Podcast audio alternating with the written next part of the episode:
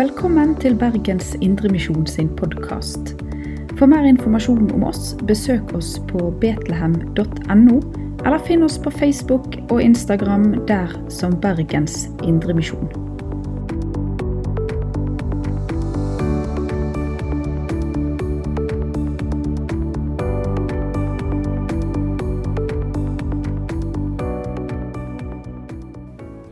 For i dag står i Markusevangeliet kapittel 10, fra vers 2 til og med vers 9.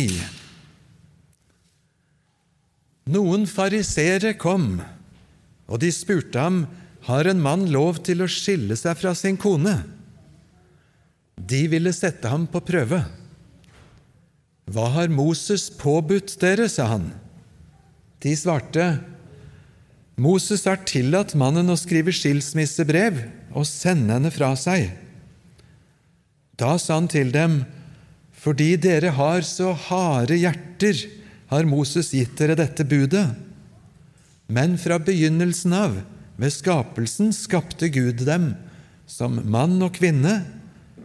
Derfor skal mannen forlate sin far og mor, holde fast ved sin kvinne, og de to skal være én kropp så er de ikke lenger to, de er én kropp. Og det som Gud har sammenføyd, skal mennesker ikke skille. Amen. Det er ikke så veldig ofte jeg misunner Den norske kirke hele liturgien deres. Men det er én sekvens som jeg har virkelig sansen for. Og Det er når presten sier 'La oss høre Herrens ord'. Da spretter hele menigheten opp i gi vakt, og så stemmer de i et tre ganger halleluja. Og så lyder Herrens ord, og så rundes det av med 'Slik lyder Herrens ord'. Er ikke det en flott sekvens? Sitter dere med den følelsen etter å ha hørt teksten i dag, at vi har lyst til å sprette opp i gi vakt og synge tre ganger halleluja? Eller er det litt synd på oss kristne som eh, er nødt til å holde fast ved så strenge ord og så høye idealer? Har tanken streifet noen? Gjennom livet så har noe snudd litt inni hodet mitt. Og det er ifra en defensiv holdning av at vi har en eller annen ekstra belastning og påkjenning, nemlig å skulle forsvare en hel stor bibel med så mange vers og setninger som vi ikke er helt sånn på lengde med. Jeg ser det ikke sånn lenger. Og Jeg legger merke til når jeg møter igjen venner som hadde en annen holdning da de var unge, av dem som ikke tror. Nå kan jeg møte dem trygt og offensivt og si jeg vet hvem som har laga meg. Jeg vet hvorfor jeg er til. Jeg vet hva Gud vil for meg. Jeg vet hva som møter meg når jeg dør. Jeg vet at Han som en gang laget meg, har lyst til å dele hele evigheten med meg. Da blir de som før spotta meg for å høre til på den siden hvor jeg skulle liksom slepe med meg en 2000 år gammel bok på over 1000 sider, da blir de tause og noen ganger direkte misunnelige. Det er fryktelig slitsomt å leve uten Gud. Å tro om seg selv at jeg er et frittsvevende atom i det uendelige univers, på vei fra ingen steder, på vei til ingen steder. Jeg er en tilfeldighet, en celleklump som befinner meg her akkurat nå. Det er ikke mye å gå verken livet eller døden i møte med. Jeg vet hvem som har laga meg. Jeg vet hvorfor han laget meg. Jeg vet hva han vil med livet mitt. Jeg vet hva han vil med meg etter døden og inn i evigheten. Jeg vet hva han vil dele for en evighet med meg. Er det synd på meg? Og anvendt på vår tekst Jeg vet hvorfor Gud skapte oss til mann og kvinne. Jeg vet hva ekteskapet er til for. Jeg er ingen verdensmester i å fylle det med det ideelle innhold, men jeg vet instruksen fra han som laga det. Har dere det også sånn at som regel så prøver dere å få nye ting til å virke uten å måtte lese den der tjukke bruksanvisningen? Så er det noen ganger vi kjører oss så fast at vi må begynne å bla litt. Nødløsning. Se deg rundt i samfunnet og spør trenger menneskene noen bruksanvisning for seksualliv. Eller er det noen som er litt forvirra og har kjørt seg litt fast? Er det noen som trenger Skaperens råd for hvordan bitene skal settes sammen så det blir godt? Jeg mener å si for en lykke det er at Han som skapte oss, og som skapte oss til mann og kvinne, han har også fortalt oss hvordan det skal få lov til å høre sammen. Er det synd på oss som vet hvorfor han laget oss akkurat sånn? Er det synd på oss fordi vi har fått ganske mange tekster som fra livets brutale virkelighet kaster Guds lys inn over samliv? Jeg er så takknemlig for at han gir oss det.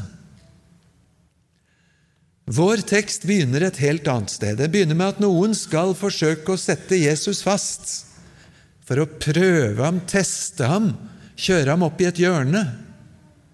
Og så tok de tak i et stort spørsmål som mennesker i alle kulturer til alle tider har tumlet med. Har en mann lov til å skille seg fra sin kone? For i de aller, aller fleste kulturer så begynner et ekteskap med et løfte som er veldig sterkt, og som snakker om like til døden skiller dere ad. Men er det lov til å skilles, eller hvordan er det? Og så er det ganske spennende å vite at fariseerne diskuterte dette stolper opp og vegger ned på Jesu tid. Og det er håndfaste, tydelige referater fra hva de mente, nettopp fordi de var så uenige.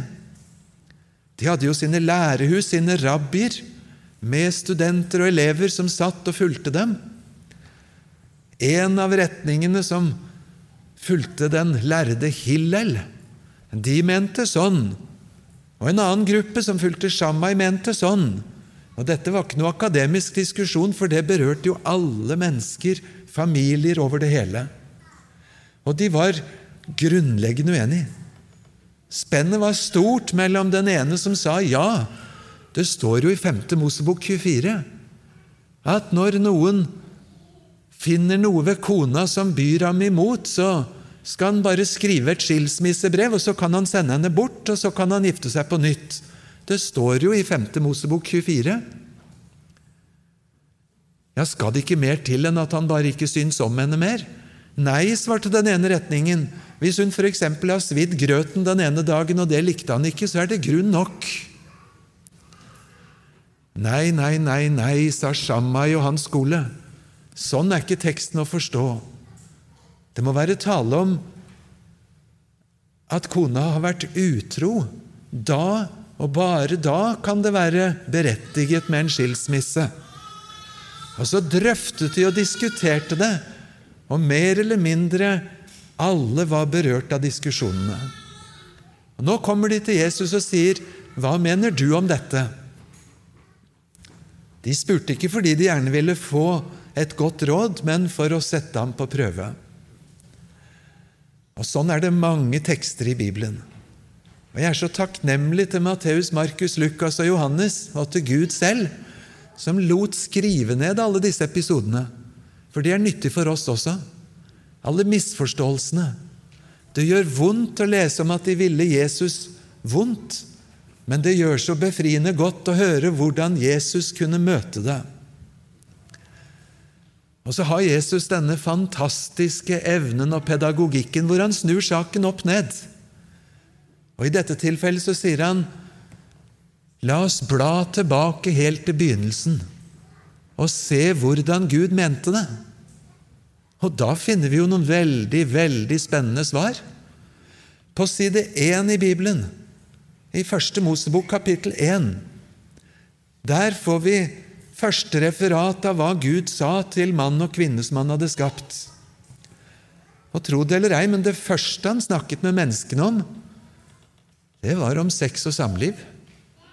Vær fruktbare, fyll jorden, legg den under dere. Det var Guds direkte første instruks til mennesket som han hadde skapt. Og blar vi til side to, så er det som om Gud tar oss med litt inn i hvordan det var å være det første mennesket på jord, før kvinnen var skapt. Og så får vi en gripende beretning om hvordan Adam tusler rundt i paradiset og ser alle de andre skapningene, alle dyra. Og dess flere han ser, og dess flere navn han gir, dess mer ensom blir han. For han fant ingen som var hans like. Og så sier Gud i himmelen, det er ikke godt for mannen å være alene. Og så skapte han kvinnen. Hver gang jeg leser det, så smiler jeg med meg selv, for jeg rakk å bli nesten 25 før jeg også fant ut at det var ikke godt for Sverre å være alene. Alle studiene, alle komiteene, alle oppdragene, det etterlot en slags tomhet. Og så gjorde Gud med meg som han gjorde med Adam, at han førte en kvinne i min vei, og så ble livet så rikt og fint og har gitt meg så mye å takke for. Da Gud møtte Adam med denne kvinnen, og historien er jo ganske utrolig, så ga han jo Adam narkose. Og så opererte han ut et ribbein, og så kunne han av et ribbein skape en kvinne. Hender det at kvinnelige studenter på Fjellhaug rynker litt på nesa og syns det der er sånn passelig greit å være skapt av et ribbein ifra mannen? Da spør jeg de om de syns det høres bedre ut med mannen som er skapt av at Gud rasket sammen av jordens støv og bygde mannen. Og så ligger jo storheten i det neste at Gud selv blåste livets ånde i ham, og han ble til en levende skapning. Om det er et ribbein eller om det er en støvhaug, så er den allmektige Gud i stand til å bygge. Og Når Adam får se denne kvinnen, så får vi Bibelens første spontane lovsang. Første Mosebok 2,23. Wow, endelig ben av mine ben, kjøtt av mitt kjøtt. Hun skal hete Ja, hvordan skal vi oversette det? Den gamle bokmålsoversettelsen, som er høytidelig bokmål, de konstruerte ordet 'manninne', for hun er tatt av en mann. Og Det er litt sånn det står på hebraisk. Men den gamle nynorsken den våget å si det rett ut. Hun skal heite kjerring, for hun er tatt av en kar. Han brukte et ordspill som nok klang litt annerledes i 1938 enn den gjør i dag. Men det er altså Bibelens første spontane lovsang. Og i verset etter, vi er fortsatt på side to i Bibelen, så kommer himmelens definisjon av hva ekteskapet er. Derfor skal mannen forlate far og mor, holde seg til sin hustru, og de to skal være ett kjød, eller én kropp. Merk deg de tre leddene. Forlate far og mor, det er oppbruddet. Holde seg til sin hustru, der har du foreningen. Og de to skal være ett kjød, én kropp. Og En som forsnakket seg på en talerstol og klarte å si under en vielse, rett og slett, og de to skal være ett fett. Og Som med de fleste misforståelser så kan du finne et godt poeng i det. For Er du virkelig blitt ett kjød, så er det sånn at om det rammer deg eller meg, det er ett fett, for det rammer oss. Nå er vi ett. Er det gamle Nokia som påstod at de klarte å 'connecting people'? Gjensidige, har spilt på navnet i over 100 år, at vi klarer å skape en forening. Men det er puslete greier mot hva Gud kan gjøre, som kan føre to sammen og skape ett kjød. Og Så lyder det jo fra Jesu munn at det som Gud selv har sammenføyd Hør på hvem som er subjekt. Hvem er det som gjør noe der to mennesker trer inn i et ekteskap? Subjektet er Gud. Han og hun svarer et myndig ja, begge to, på egne vegne. Men da trer Gud inn som aktør og gjør noe som verken Nokia eller Gjensidige eller noe laboratorium kan. Han skaper et kjød. Og så har Bibelen mange lovsanger om storheten i dette. En hel bok som heter Salomos høysang, som setter veldig sterke ord på lengselen, gleden, vare poetiske uttrykk for en ganske håndfast virkelighet. Og Jeg vet ikke hvor nøye du har lest Salomos ordspråk kapittel 5. For der blir det rett og slett sagt at uh, Ekteskapet det er en anbefalt rus. Ordet rus er ikke noe greit ord i kristelig språkbruk. La hennes barm alltid beruse deg. Det er sterke ord som løfter gleden over samliv inn i et himmelsk lys, som langt på vei følges opp på Bibelens aller siste sider når den evige salighet beskrives som lammets bryllup, der bruden pyntet stiger fram for sin brudgom og flytter inn i det nye Jerusalem i gater av gull, med livets elv og med alt det som hører til. Og Så skal vi likevel ikke bla lenger enn til side tre i Bibelen før vi hører om synden som kom inn og som ødela også så mange av de tingene Gud skapte i sitt paradis. Arbeidets velsignelse blir til svette i ansiktet, torner og tistel.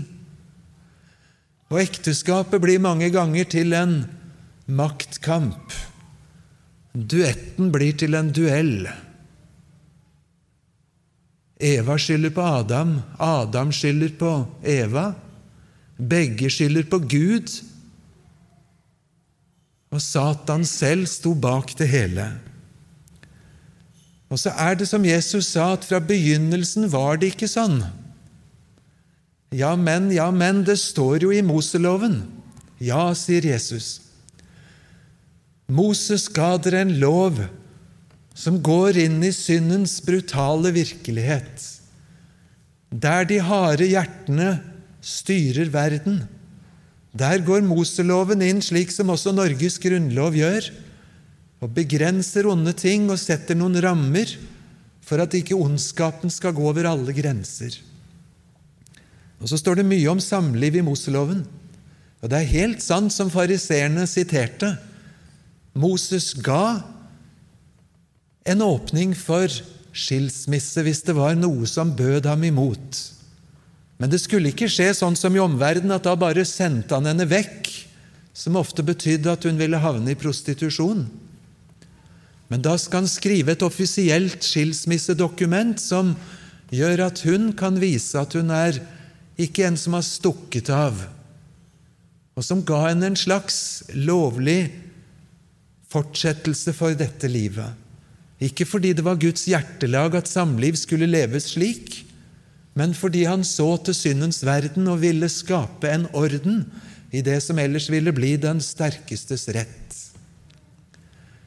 Så er det noen som lar seg støte av at Moseloven også snakker om en brudepris. 2. Mosebok 22, 16 og 17. Det er sant at den gjør det. Da er det noen som sier at det forteller at Bibelen gjør kvinnen til en salgsvare som kjøpes og selges. Men det var nok ikke sånn. Brudeprisen ble oppbevart hjemme hos hennes foreldre. Og skulle det skje at hun ble enke brått, eller om hun ble skilt, så skulle hun ha en nødvendig startkapital for å komme videre i livet, nettopp slik at hun ikke skulle presses ut i prostitusjon. Og så skal vi kanskje ikke se på den brudeprisen som uttrykk for en salgsvare, men for en slags livsforsikring inn i en verden der så altfor mange døde så altfor tidlig. Og Så er det også sant at Moseloven lager regler for hvordan de skal gjøre når noen tar kone nummer to og tre polygami. Da står det uttrykkelig Hvis nå det skjer, og det står ikke at det er greit ifra Guds side, men hvis det skjer, så skal den første konen ikke lide noen avbrudd i spørsmål om mat, klær eller samliv. Mat for å overleve, klær for å kunne opptre anstendig, og samliv slik at hun fremdeles kan få barn som i sin tur kan støtte henne og forsørge henne. Og Så kan du lese alle disse lovene i Moseloven som et uttrykk for Guds omsorg for den svakeste. Hun som ble sendt bort etter en skilsmisse, har et lovlig brev, et depositum hjemme hos far. Hun som opplevde at en ny og kanskje mer attraktiv kvinne kom inn hos mannen, skulle likevel ha Moselovens krav på en real atferd og en real understøttelse. Og så er det likevel sånn at dette etter Jesu ord hører til i de harde hjerters tid.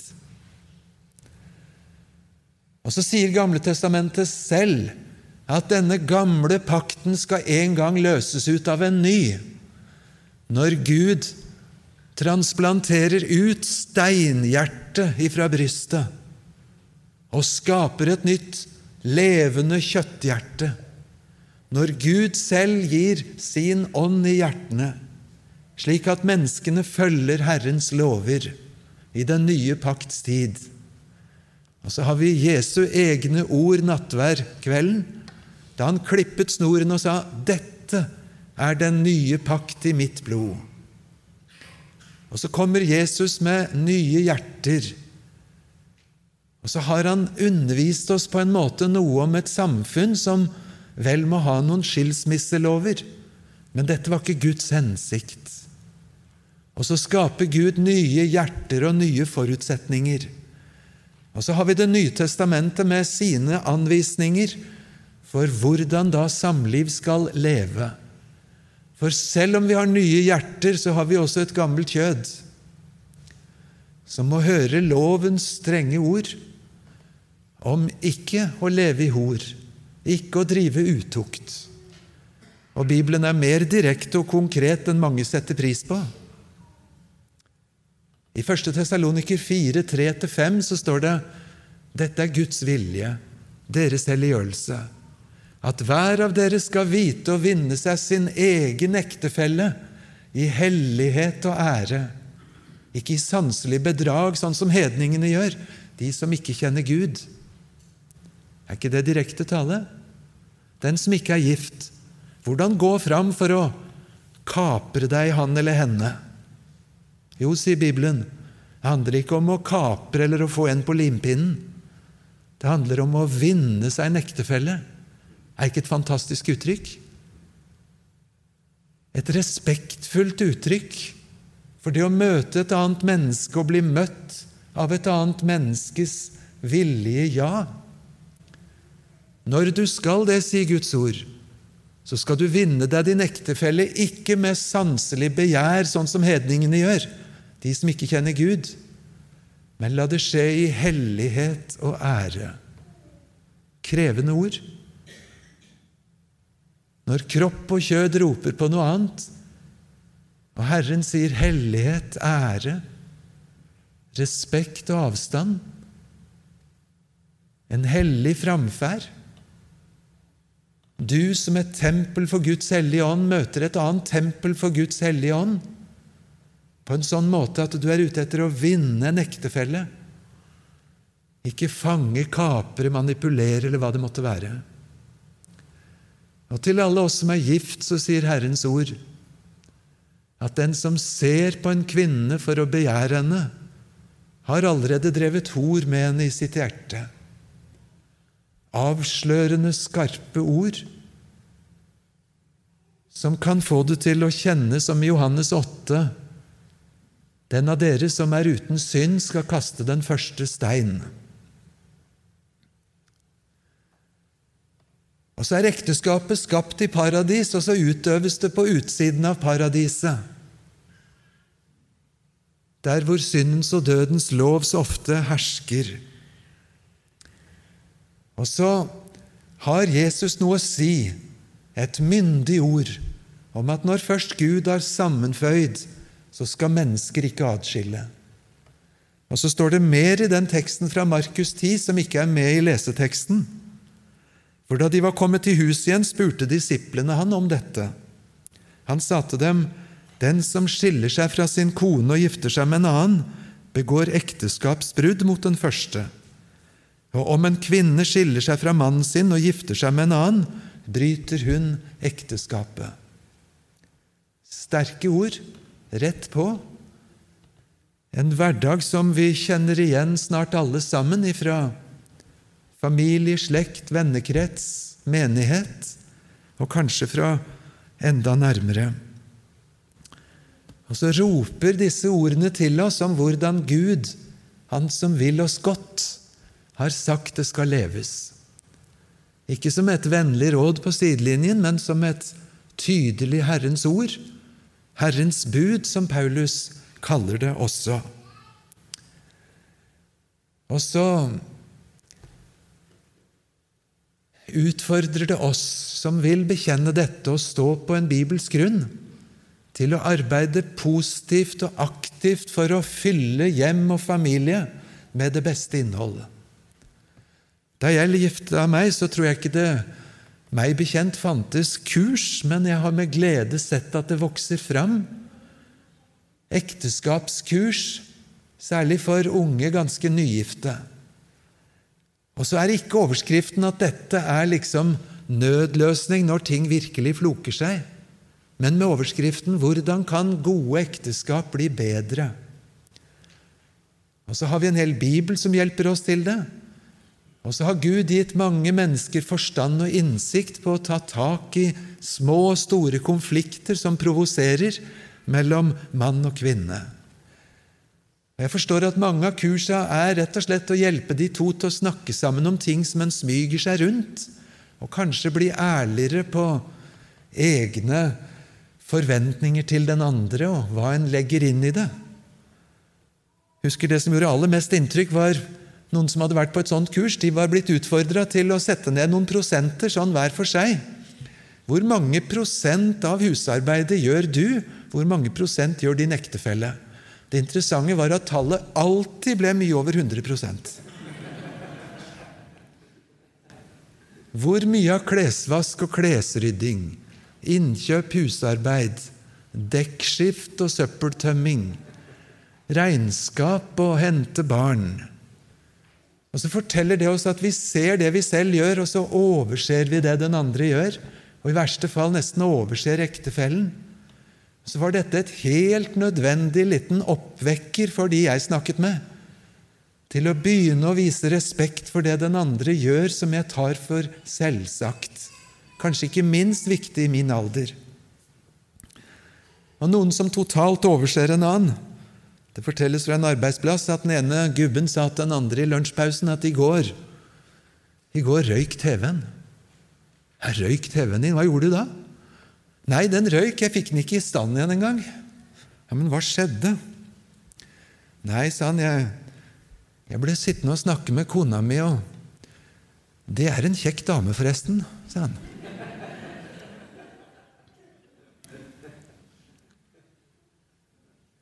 Det er ikke sånne ekteskap Bibelen fostrer, er det det? Er det et kristent ekteskap? Ja, det kan det vel komme til å være. Men som ikke ser, men overser hverandre overser den andres snille, gode gjerninger. Jeg blir mobba på Fjellhaug noen ganger for at jeg nesten alltid går med varme, hjemmestrikka sokker. Ja, sier jeg, det er helt sant. Vet dere hvem som har strikka de? Ja, kona mi gjort. Ja, ja. Og så sier jeg jeg definerer hver maske i hver sokk som et kjærtegn. Har du tenkt på hvor mange kjærtegn du mottar fra en trofast ektefelle? Hver gang en velvillig, vennlig gjerning har gjort noe, så skal du takke Gud, og så skal du takke din ektefelle. En fin sang som heter 'O Jesus, åpne du mitt øye, at jeg kan se hvor rik jeg er'. Og Det er tusen ganger mer sant med Guds godhet imot oss. Det er noen ganger vi trenger å spørre også at vi må få øynene åpnet for å se godheten som vi har fått møte hjemme. Mor som stelte oss før vi visste om det. En far, en søster, en tante, en fadder, en søndagsskolelærer. Verden er full av kjærtegn rettet mot deg og meg, som vi overser. Og så er det altså ikke synd på deg og meg som sitter der med en 2000 år gammel bok med håpløst antikverte bud og regler. Nei, jeg vet hvem som skapte meg, vet hvorfor han skapte meg. Jeg vet hva han vil meg etter dette livet. For en lykke! Og så vet jeg noen få ting mer om samliv enn denne verden vet. Fordi Gud har sagt det så er det mye mer å si enn det lille jeg rakk nå. Men la oss fryde oss og glede oss over Guds gode bok. Og la oss forsøke, om det var mulig, at alle vi syndere og tollere som ser på en kvinne med begjær, eller som overser en ektefelles godhet, eller som på andre måter gjør oss selv til syndere og tollere som likevel får leve i nåde, må få bygge noen fellesskap der sentrum er Han som kan møte oss med nåde, tilgivelse og kjærlighet. Så vi får bli de hellige samfunn, og ikke de heldiges vellykkede samfunn, som fikser det. Men fordi vi ikke fikser det, så søker vi sammen til Han som er alle gode gavers giver. Takk og lov til Han for det. Du har lytta til Bergens Indremisjon sin podkast. For mer informasjon om oss, besøk oss på betlehem.no, eller finn oss på Facebook og Instagram der som Bergens Indremisjon.